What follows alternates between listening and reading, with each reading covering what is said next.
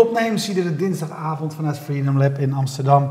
De gast Janneke van den Heuvel. Janneke, je bent van TryLikes. Wat doen jullie? We meten feedback in de fysieke omgeving, in de fysieke space. Klantenfeedback, employee feedback. En wat uh, geven ze een concreet voorbeeld? Wat, uh... Bijvoorbeeld uh, bij toiletten is altijd een heel makkelijk voorbeeld. Zijn toiletten schoon of vies? Nou, je, kunt, je kent misschien wel van die smiley-knoppen die je wel eens op airports ziet. Ja. Maar wij zeggen eigenlijk, smileys vertelt me niet zoveel over wat dan het probleem is. Dus dan hebben wij bijvoorbeeld knoppen die zeggen... het is vies, het is schoon, toiletpapier is op, het stinkt. Ja, en je of, uh, dit, zijn, dit is het voorbeeld van, uh, van Dirty Toilet, hè? Dat is ja. het voorbeeld daarvan. Dit is een andere, dit is de love als je... Ja, gaat weer over beleving of over emotie voor, voor medewerkers. Of, uh, er zijn een tal van voorbeelden eigenlijk te verzinnen. Maar... Ja, dit is ook een vorm van real-time feedback. Wat ik, wat ik zag, wat ik echt indrukwekkend vond, of, of wat, wat mij aan het denken zit, is dat jullie bij uh, supermarkten met een soort panelen werken die je door de hele winkel kunt zetten. Leg eens uit hoe dat werkt. Ja, dus het is eigenlijk het, hetzelfde concept in die zin dat wij geloven in de eenvoud van feedbackvragen. Dus we zeggen door een supermarkt heen kun je een aantal simpele vragen stellen, zoals vind je het groente en fruit er lekker vers uitzien? Um, word je snel geholpen bij de kassa? Dan kunnen mensen eigenlijk door één, knop op de, één druk op de knop, uh, bijvoorbeeld door een like of een dislike uit te delen, of een love of een... omlaag. Precies. Kunnen ze aangeven wat ze daarvan vinden. En die data, vaak geaggregeerde data, geven we real-time terug aan de mensen die daar werken. En dan kun je zien van hey, elke woensdag om vier uur s middags zie je eigenlijk dat het minder goed gaat op afdeling X of Y. Moeten we daar niet eens wat meer aandacht aan besteden? Gewoon eigenlijk eenvoudige problemen, althans die eenvoudige ogen, uh, weergeven en laten oplossen. Ja, dit zijn van die uh, panelen waar echt zo'n vraag uh, op staat. Hè? Ja. Ook geen scherm, maar echt een. Is dat een bewuste keuze trouwens? Om dat niet met een Ja, iPad-achtig scherm te doen, maar met een bijna papier op een ding. Met duim omhoog, duim omlaag, twee knoppen. Is dat een bewuste keuze? Om ja zeker. Dus Ja? wat je ziet, we, eh, in het, we wilden heel graag ons eigen hardware maken omdat we dat heel tof vinden. Maar Ja. we zeiden als het niet hoeft, dan pakken we gewoon een tablet of een screen. Want dan kun je heel makkelijk van vraag wisselen bijvoorbeeld. Ja, dat leek me ook. Ja. Ehm, het nadeel van, eh, er zitten een aantal nadelen aan technisch gezien, stroom en, en eh, jatgevoelig en dat soort dingen. Het gaat, het gaat wat sneller stuk. Maar het grootste nadeel is dat de consument, met name in eh, winkels waar je het bijvoorbeeld heel druk hebt, of airports, of daar waar je met volume voorbij komt, ehm, lopen zij gewoon aan schermen voorbij, omdat er vaak vragen volgen. Dus die zijn Ja. vaak tricken die je als het ware toch Oh, weer in een mini-enquête, ja. waardoor de consument denkt, laat maar, heb ik geen zin in. Nou, als je gewoon ziet dat het één vraag is, Ja. en je hoeft alleen maar bam of bam te doen. Ja, en het verschil is echt gigantisch. Dus we hebben een test gedaan. Wat doet dat met de respons? Ja, dat is niet te vergelijken. We hadden een test met 3000 responses in een week op een bepaalde plek. Vervangen voor een tablet. Dat tablet hadden we gefreezed. Hetzelfde look en feel gegeven, zodat het leek alsof het één vraag was, in ons oog althans. Ehm 17 mensen. Zo. Dus dat Ja. verschil was zo groot dat wij zeiden, hé, hey, bizar, hoe komt dat dan? Nou, toen zijn we daarin gedoken. Ja, en jullie vervangen waarschijnlijk, als ik probeer na te denken hoe dat werkt, in zo'n supermarkt de, de, de surveys, de enquêtes. Ehm, Ehm, ja, dat is niet real-time, maar dat is helemaal natuurlijk eh, een lage respons, denk ik. Hè? Ja, het is een beetje dying. Weet je, wij zijn, er zijn wel goede manieren denk ik, om diepteonderzoek te doen. Hè? Dat doen wij Ja. niet. Wij zijn ook geen silver bullet solution. Pretenderen we ook niet te zijn. Wat is dan de kracht? Is dat de real-time? Simplicity in eerste Ja. instantie, eh, waardoor je een hele hoge N eh, haalt. En vervolgens inderdaad real-time, niet alleen real-time, maar ook voorspellend. Dus wij proberen natuurlijk te voorspellen op basis van zoveel data, van wat gaat er nou waarschijnlijk in deze omgeving gebeuren. Als je dat concreet, even, even die nog even concreet maken, eh, voorspellend. Eh, je zei net, smiddags om vier uur gebeurt er wat. Ik kan me voorstellen dat je zo'n paneel hebt staan bij de kassa. Eh, moet je lang wachten? Ja, nee, daar, weet ja, ik veel. bijvoorbeeld. Je verzamelt dat en dan zie je dat op bepaalde dagen van de week op bepaalde tijden het niet goed gaat. Precies, en ons algoritme ontdekt op een gegeven moment een trend in die data. Ja. Hè? Dus die zegt, hey, vrijdagmiddag piekt die altijd om een uur of drie in dislikes. Ik geef maar Ja. een voorbeeld. Dan kunnen we natuurlijk om half drie kunnen we al een message sturen naar eh, winkelmedewerkers om te zeggen, let op, over een half uur wordt het weer drukker, als voorbeeld. Dus dat is eigenlijk om het probleem voor te zijn. Maar als ik bij mij, bij mij in de buurt zit een eh, winkel die heet Bax, daar kan je muziekinstrumenten kopen. En dan staat dan, als ik de deur uit ga, staat er, een, staat er iets waarvan ik ook een duim omhoog, duim omlaag kan doen. Hè? Alleen als ik duim omlaag zit, weet niemand in die winkel Wat het probleem wat, wat, wat het probleem was. Of ik lang aan de kassa heb gestaan, of ik slecht ben geholpen. Dus ik denk, als, mijn gevoel als klant ik druk het dan wel eens in als ik heel gefrustreerd ben. Maar dan denk ik, maar hier heeft eigenlijk niemand wat aan. Ja nee, hè? dus ik denk dat je er altijd wel aan, wat aan hebt om in ieder geval te weten of hoe het sentiment is ook over de overall experience. En of je dat met een duim omhoog en om- omlaag moet doen of met een vijfpuntschaal bijvoorbeeld. Hè? Door Mhm. iets meer al te weten, zit het echt in de angerhoek, in de frustratiehoek of zit het daar niet. Heb je al meer dan niets, maar de, de kracht zit hem in multiple questions, in meerdere vragen door de winkel heen. Op specifieke plekken over specifieke Nou ja, Eén onderwerpen. vraag is eigenlijk te weinig bij de uitgang, zoals in dit geval. Ja. Wel, doen wij niet zo vaak. Dus Nee. wij zeggen meestal niet, zet gewoon eh, wat van die knoppen bij de uitgang neer. Nee, kijk nou naar die journey. En ga dan heel specifiek vragen over, was het snelheid bij de kassa? Dan is het bijvoorbeeld bij ons een slak en een haas. Was het vers bij groente en fruit? Dan zijn het hele andere icons. En Ja. zo kan je heel erg, kun je ook correlaties maken. Hè? Kun je zien, hé, bij de uitgang was die, is er heel veel dislike bijvoorbeeld. Ja. Waar in die journey zat nog meer een piek op dat moment? Ja. En zien we die elke week correleren? Oké, dan is daar dus je pijnpunt. Dan moet je daar iets aan doen. En als klant zou ik nou nog heel graag willen weten van dat, dat deze winkel in dit geval mij uitlegt wat ze met mijn feedback gaan doen. Ja. Het voelt bij mij een beetje als de ideeënbus van vroeger waar je iets instopt en het gevoel hebt dat er nooit wat mee gebeurt. Ja, dus eh, dat, zeker. Bij ons is dat wel aan de klant. Hè? Hoe transparant durf je te zijn? Maar we hebben wel een tool ontwikkeld waarbij je op schermen, als je wil, of oldschool kan ook, als je dat wil uitprinten, opplakken, dan doen onze klanten dat zelf. Mhm. Maar wij hebben een manier waarop we op schermen kunnen laten zien wat het sentiment in real time is. Dus bijvoorbeeld een kledingwinkel doet dat. Nou, dan zie je als consument als je binnenkomt, oh wauw, hun service is X. Of hmm, oké.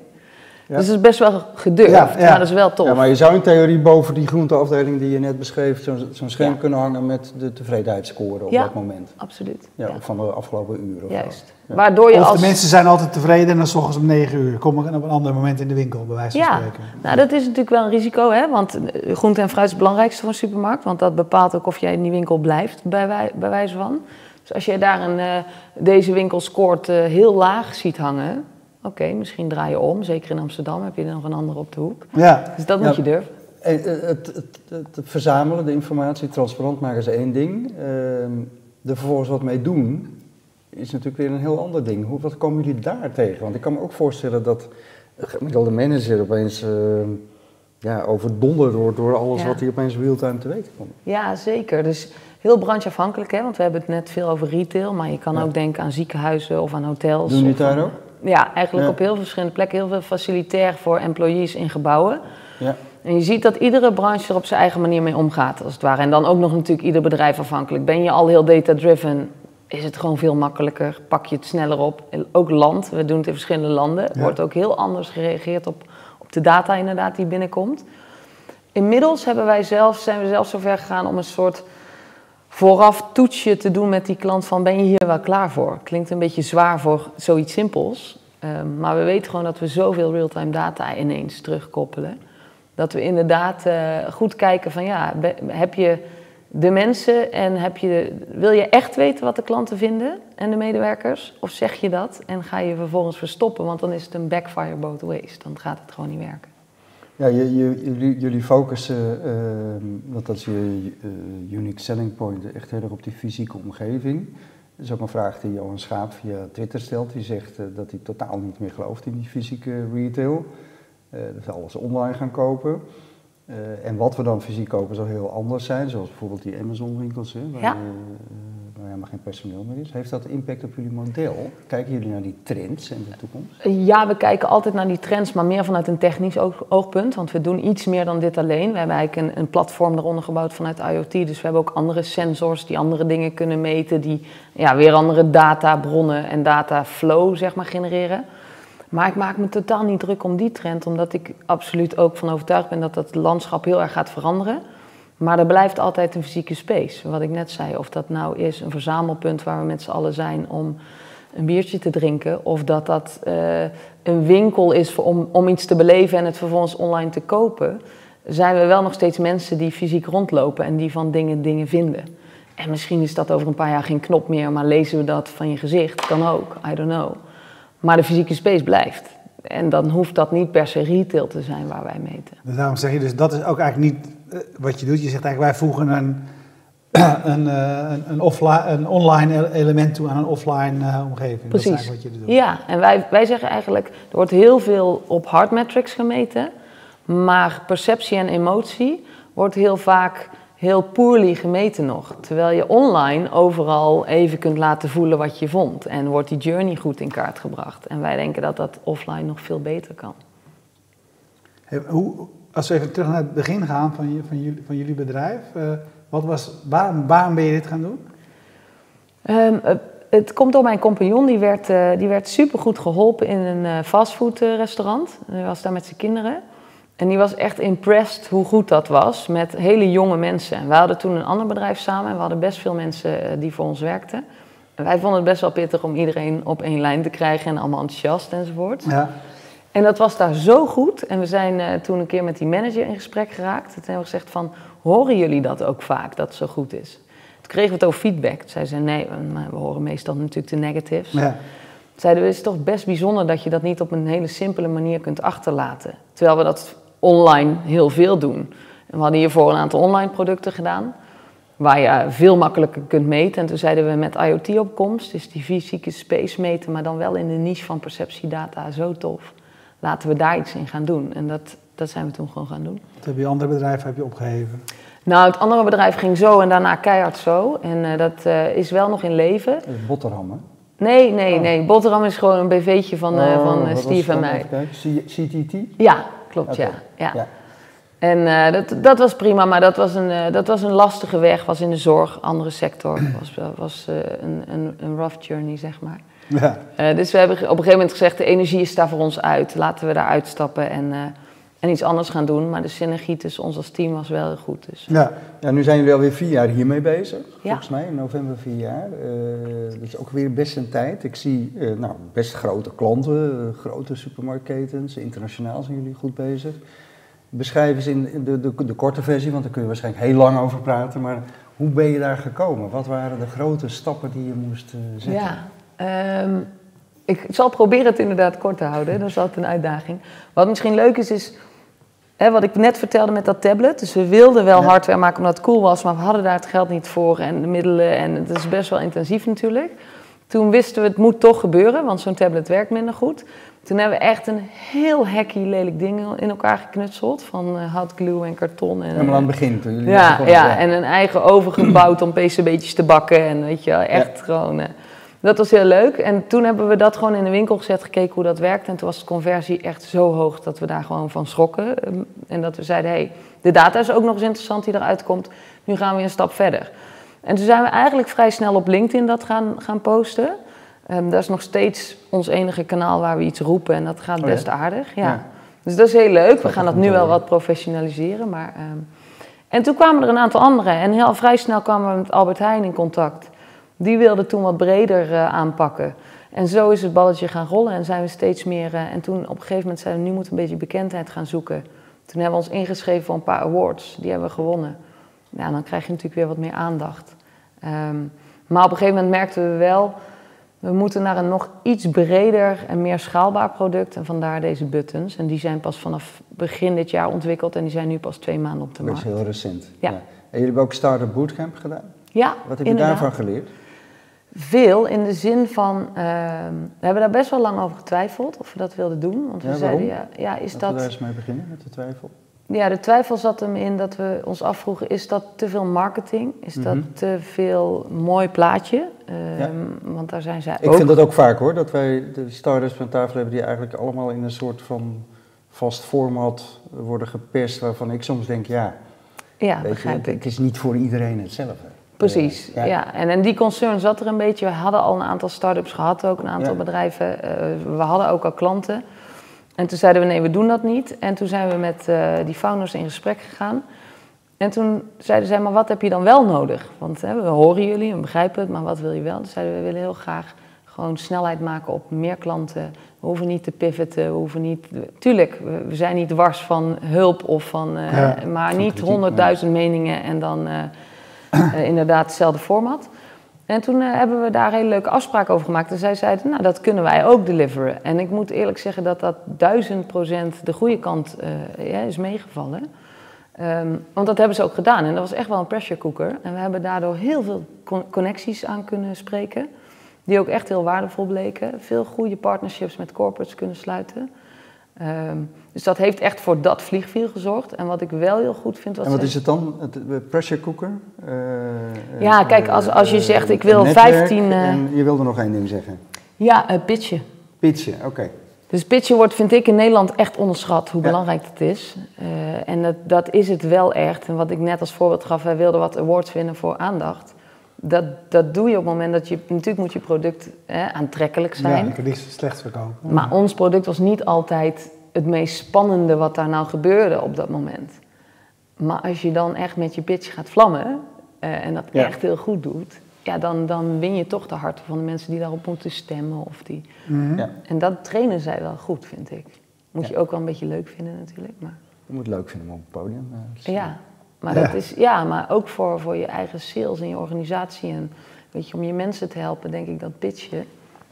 Um, En je verhaal scherp krijgen na drie minuten. Het dwingt als je van wel. sales bent, is dat is altijd pitchen natuurlijk, toch? Elk gesprek is een pitch. Ja. ja. en eigenlijk ook als je je product bouwt. Je moet nadenken over weer sales. Ja, ze helpen, ze helpen natuurlijk ook vaak in, in contacten met uh, investeerders. Is dat bij jullie ook zo gegaan? Nee, nee, wij waren daar niet naar op zoek. We hadden een angel investor en dat was voor ons uh, voldoende om vooruit te kunnen. Ja.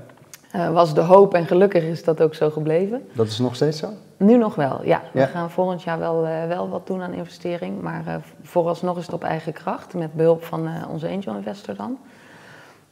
maar dat doen zij ook. En ik, ik vind wel het netwerk van, van Startup Bootcamp in dit geval is wel echt heel goed en echt heel groot. Dus dat, en als je dat zelf, als je zelf goed weet wat je wil komen halen, om het plat te zeggen, dan kun je dat daar heel goed doen. Ja. Um, Angel Investor. Uh, jullie hebben een paar, uh, vond ik al best prominente uh, klanten. Albert Heijn noemde die al. Ik zag ook dingen bij de Jumbo en andere dingen. Verdienen jullie ook wel geld of zijn dat echt nog echt pilots? Nee, we, nee, we verdienen echt geld. Ja. Uh, we doen ook geen pilots meer, behalve dat natuurlijk klanten willen dit product proberen voelen wat het voor hen doet. Ja. Dus voor hen is het een pilot. Ja. En wij zeggen eigenlijk altijd, ja, uh, wij zijn uit de pilotfase. Hè? Anders kun je je leven lang blijven piloten. We hebben ook met deze start-up, omdat we met de vorige start-up te lang in pilots zijn blijven hangen en te lang ook in, in free stuff, zeg maar. Mm -hmm. En we hebben Steve en ik tegen elkaar gezegd, uh, mijn compagnon. Dat gaan we niet meer doen. Dat gaan we nooit meer doen. Dus het is vanaf minuut één omzet. Als iemand er niks voor wil betalen, is het blijkbaar niks waard. Ja. Tuurlijk begrijp ik dat niet, eh, je niet in één keer naar 600 winkels uitrolt. Maar voor een pilot be- betaal je bij ons juist meer. Oké, dat is een interessant model. Uh, Wel goed, denk ik. Maar hoe, hoe ziet het model eruit? Betaalt een winkel of een ziekenhuis, of waar het ook staat, per uh, scherm, zeg maar, of per apparaat? Of ja. Is het een abonnementsvorm? Hoe werkt het? Ja, het is abonnement en de hardware is een lease-abonnement ook. Oké. Okay. Dus wij zeggen eigenlijk, we zorgen dat je altijd met state-of-the-art hardware werkt, omdat die, die tijd gaat zo snel. Dus als morgen er een ander mesh-netwerk onder moet of je moet andere spulletjes hebben, dan faciliteren wij dat. Dus je betaalt wel eenmalig voor een hardware lease, maar dat is een soort non-recurring cost om die hardware te hebben. Ja. En dan heb je een maandabonnementje voor de data. En we hebben dat wel laagdrempelig ingestoken. Dus ook een uh, mam en pap store op de, op de hoek van de, van de straat, die kan voor uh, 500 euro een heel jaar meten wat hij wil. Uh, ja. Daar moet je een beetje aan denken. En naarmate je meer knoppen in je winkel zit, neemt dat bedrag toe? Ja. Ja. ja, maar dan bijvoorbeeld met 20 dollar of 20 euro per maand, weet je wel. Dus dat is niet een soort... Ja, nou, nou is het genereren van data niet zo'n probleem, maar iedereen wil er wat anders mee. Hoe werkt dat dan? Want dat, dat, dat is elke keer custom made. Ik kan me voorstellen dat bij een, een supermarkt waar je 15 van die dingen neerzet, dat je er echt voor aan het programmeren moet. Ja, nee, we proberen echt een one-size-fits-all solution te maken, waarbij mm -hmm. er wel nuanceverschillen tussen de verticals zitten. Dus we zeggen eigenlijk, het kan best zijn dat voor supermarkten er een specifieke vraag op een feature zit die we echt heel relevant vinden voor alle supermarkten. Dan ja. zullen we dat ontwikkelen. Maar wij bouwen niet specifiek, want maatwerk bouwen, ja, daar heb je heel veel softwareclubs voor en dan ja. moet je daar naartoe gaan. Ben je ook niet schaalbaar? Nee, precies. Ja. Dus uh, we hebben een, een, een uh, applicatie gemaakt waar je die data heel makkelijk kunt zien. Voor iedere laag uh, zeg maar, van de organisatie kan er op zijn eigen wijze naar kijken. En er zit ook een eigen onboarding systeem aan. Dus we helpen ook de klanten om uh, een push-notificatie naar een schoonmaker ziet er anders uit dan een, data-analyse voor een grote facilitaire club die wil weten hoe die het land breed doet, bijvoorbeeld. En uh, zit de investering nou voor jullie om specifiek voor die sector, jij noemt het vertical, maar de ja, sector sorry, is ja. goed, ehm, zeg maar iets te ontwikkelen wat specifiek voor hun relevant is, dashboard, ehm, eh, tone of voice, manier van communiceren? Ja, de investering zit gewoon eigenlijk in het hele product. Dus het is echt continu natuurlijk R&D. We hebben net die switch gemaakt naar buttons, althans switch, dat toegevoegd. We hebben nog een systeem waar we voorspellen hoeveel kassa's er open moeten eh, op basis van real-time traffic door de winkel. Dat is weer een nieuw toevoeging. Voor de FOMAR, oplichters. Eh, eh, Oké. Nee, die zeggen altijd, weet je, als je de vierde in de rij bent, Ah, dan krijg ik eh. Maar de praktijk is anders. Right. Ja, nou in ieder geval, weet je, daar, daar dus de, de investering gaat naar ehm, hardwareontwikkelingen, softwareontwikkelingen, dat systeem optimaliseren. Daar zijn we gewoon nog lang niet. Daarin zijn we echt nog een start-up, dus daar moet ook gewoon Ja. volle bak. eh, Ik kan me wel voorstellen dat als je. Kijk, uiteindelijk is dit gewoon een, eh, wat jij net al zei, een Internet of Things eh, button. Ehm, dat natuurlijk als je sensoren gaat toevoegen aan jullie systeem, misschien die niet meer geactiveerd hoeft te worden door een, door een klant, maar dat je echt traffic in de winkel kunt meten of hoeveel mensen er door de voordeur naar binnen komen, ja. dat je nog veel meer kunt doen. Ja, staat absoluut. Dat, staat het op jullie roadmap? Want als Ja. je dat systeem eenmaal binnen hebt, Ja. kun je natuurlijk nog veel meer. ja, zeker. We zijn bezig bijvoorbeeld om ehm, eh, winkelomgevingen en ook hele shoppingmalls en zo willen we graag gewoon meer smart maken. Er zijn natuurlijk ook andere partijen die daar toffe dingen in doen waar we heel graag Ja, mee koppelen. absoluut. Ja. Maar we denken dat de combinatie van dat soort data met perceptie heel sterk is. Want eh, het voorbeeld, goed voorbeeld is daar in de kassarij. Dus je kunt wel zeggen, over vijf minuten wordt het druk. Er komen zoveel poppetjes aan bijvoorbeeld. Hè? Dus jij moet meer kassa's openen. Maar wat nou als die poppetjes helemaal niet erg vinden om in die rij te staan? Had je dan wel meer kassa's moeten openen? Dus de combinatie tussen die twee is denken wij gewoon heel, heel, eh, heel boeiend. En nu, nu is de trend juist om dit soort dingen allemaal te automatiseren en met algoritmes te gaan werken. En eh, zie je bijvoorbeeld door eh, videoanalyse en de, de snelheid waarmee zich dat ontwikkelt, dat je natuurlijk eigenlijk die knoppen helemaal niet meer nodig hebt. Je kunt ook een camera op de rij hangen, dan dingen ziet zelf al hoeveel mensen er in de rij Ja, staan. maar dit gaat over de dat is een ander stuk. Ja, maar als je het, het, het in, in de winkel zou willen optimaliseren hoeveel kassa's er open zijn, dat kun je Nee, dat doen we dus ook met andere typen sensoren. Bijvoorbeeld eh, camera's of eh, nieuwe sensoren die dat met lasers doen, zodat het nog meer GDPR-proof is. Hè? Ja, Dus dat doen we inderdaad met andere sensoren. Maar die perceptie, zo, bijvoorbeeld, ander voorbeeld is dat ze zeggen wel eens tegen ons van ja, maar je kan ook facial recognition doen en dan zie je of iemand boos is of iemand blij Ja. is. Ja, super tof. Ik denk ook dat dat wel eraan komt. Die ontwikkeling is alleen, eh, wat doe je met sarcasme? Wat doe je met, er zit een aantal haken en ogen aan. En daarnaast is dat nog best wel duur om uit te rollen over al je winkels. Hè? Want dan moet je Ja. behoorlijk wat mensen kunnen filteren, filmen, doen. Dus dat is nog niet zo ver, denk ik. ja, en dit is een mooie, goedkope, schaalbare oplossing. Ja, voor Ja. nu, voor vandaag. Hey, je zei net, hè, we willen het ook doen voor die mama en pop shop, et cetera. Maar helpen jullie hen dan ook bij het analyseren zeg maar, van de data? Want die data hebben is één ding. Maar wat Ja. je ermee doet is een heel ander ding. Of willen jullie dat juist daar ver van blijven, omdat het niet schaalbaar is? Dubbel, dus we doen dat geautomatiseerd wel. Hè? Dus, dus daarin komt een stukje, ehm, wat een beetje populair woord is, maar goed, gamification aan te pas. Van oké, weet je, hoe kun je dan met simpele stapjes de mensen wel helpen om die data te begrijpen? Dus ja, dat doen we, maar wel tot op zekere hoogte. Nou is het ook niet zo'n hele complexe data. Hè? Kijk, als het toilet schoon is, hoef ik niet heel Ja, veel meer uit te leggen wat je moet nee, doen, dat zeg is maar. een heel eenvoudig. Ja. Ja, of als het eh, eten niet lekker is, ja, moet je een keer na gaan denken Ja. of dat dan Of zo mensen is. vragen waarom ze het niet lekker vonden of wat, dan ook. Ja. ja, ja. Even iets heel, heel anders. Ik zag dat jij heel actief bent in vrouwennetwerken. Eh, Vrouwen in technologie, eh, TEDx Amsterdam, Women, zit je net Mhm. weer in de laatste ronde zelfs volgens mij. Nee, Eh, dat, dat, of dat nee, verkeerd? dat Nou, weet ik zo niet. Maar, Eh, Dat Inspiring niet. 50 list. Ah, ja, Eh, ja. Hoe belangrijk vind jij dat? Dat, dat, eh, dat er zo'n vrouwennetwerk is in de technologie? Ehm, ik ben, het lijkt misschien of ik heel actief ben in dat netwerk. Dat valt op zich wel mee. Ik vind wel ehm, het belangrijk dat eh, vrouwen zich ook realiseren dat we straks allemaal te maken hebben met tech.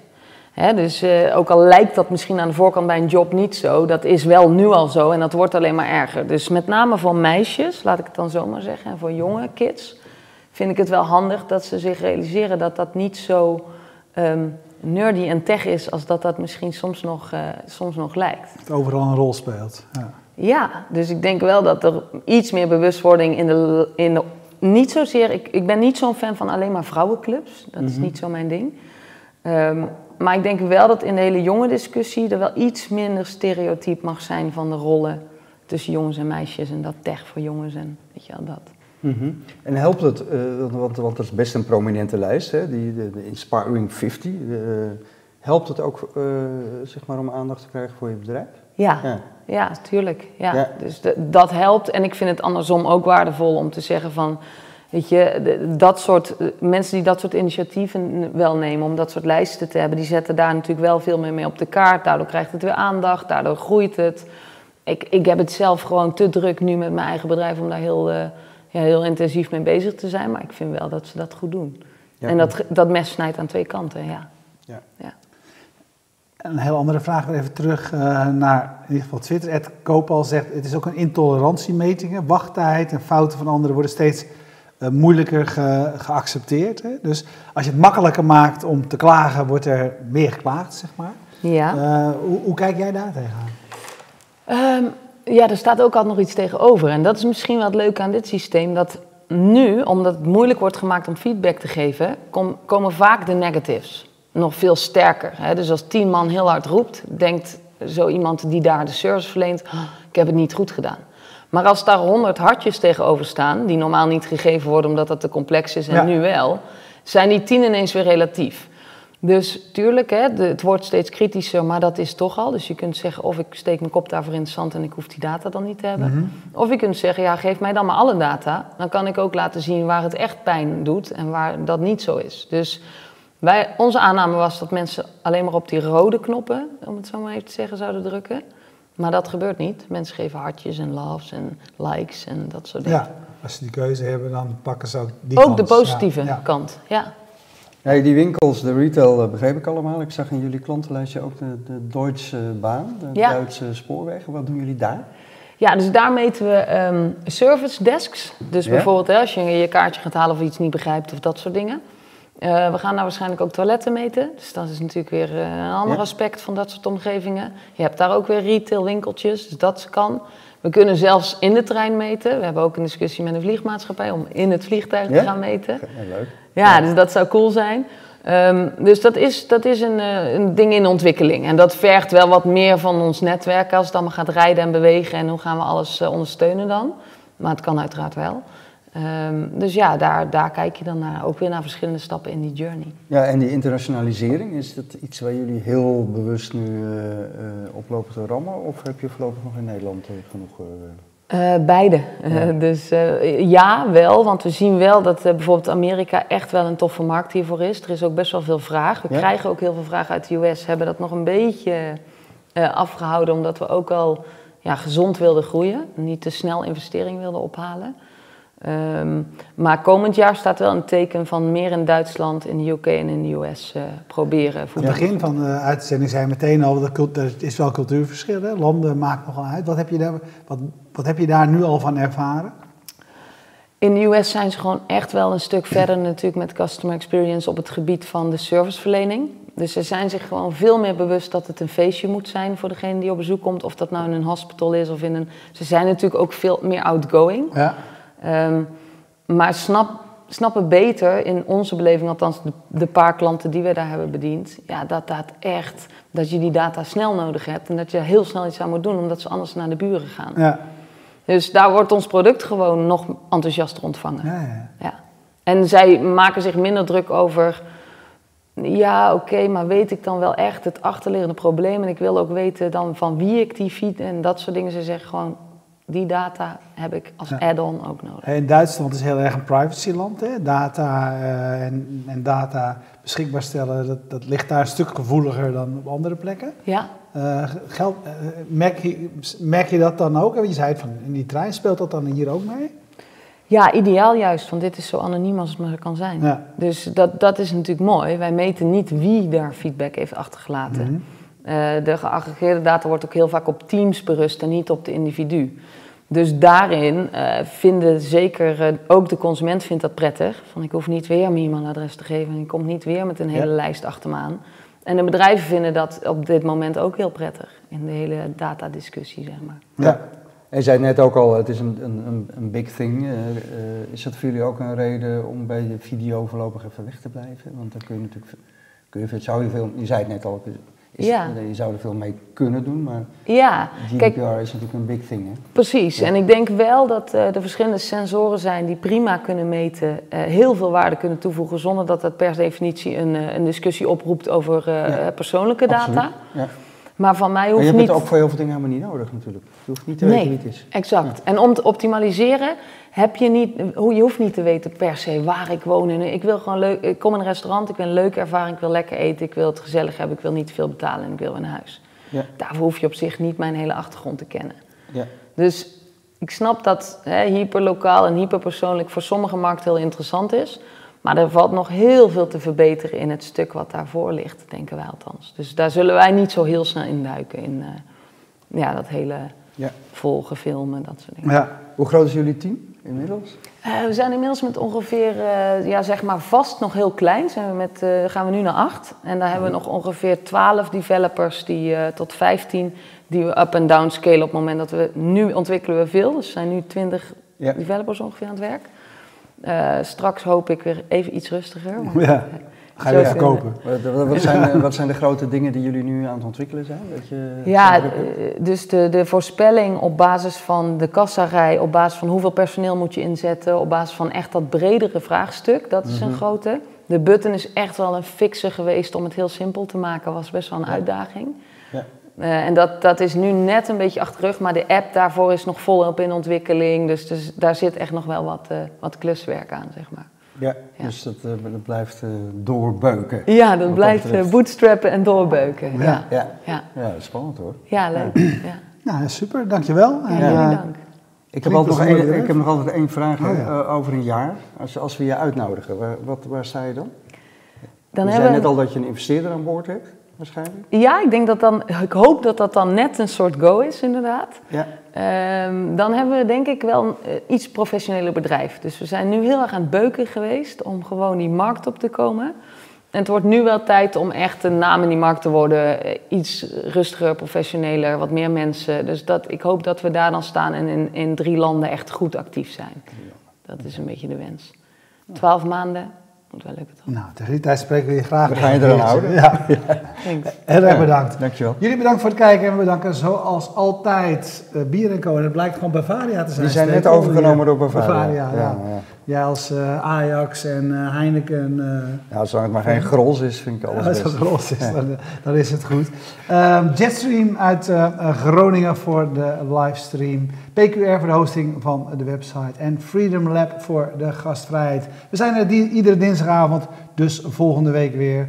En wil je onze uitzending on demand bekijken, dan staat er een jaar of acht op je te wachten. Dag.